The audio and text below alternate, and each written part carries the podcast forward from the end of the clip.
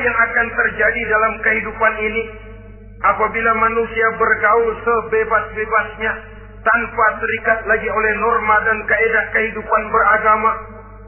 Sudah cukup banyak korban bergelimpangan dari arus yang namanya pergaulan bebas dengan dalih new morality, kebudayaan moral baru yang terlepas dari bimbingan kehidupan beragama.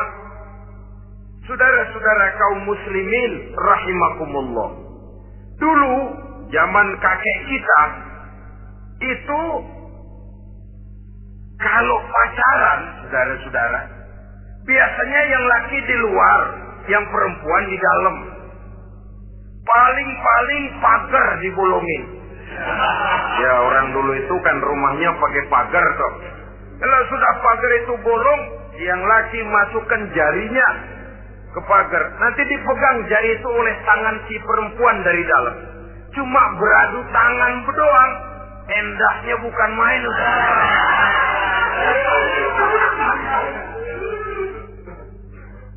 Sekarang saudara-saudara saya lihat kayak orang beli sepatu.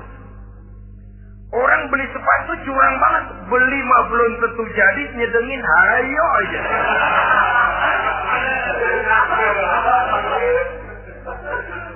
Iyalah, kalau sepatu barangkali disedengin sehingga ada bekasnya.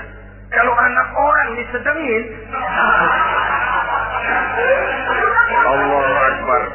Ya sedang sih sedang.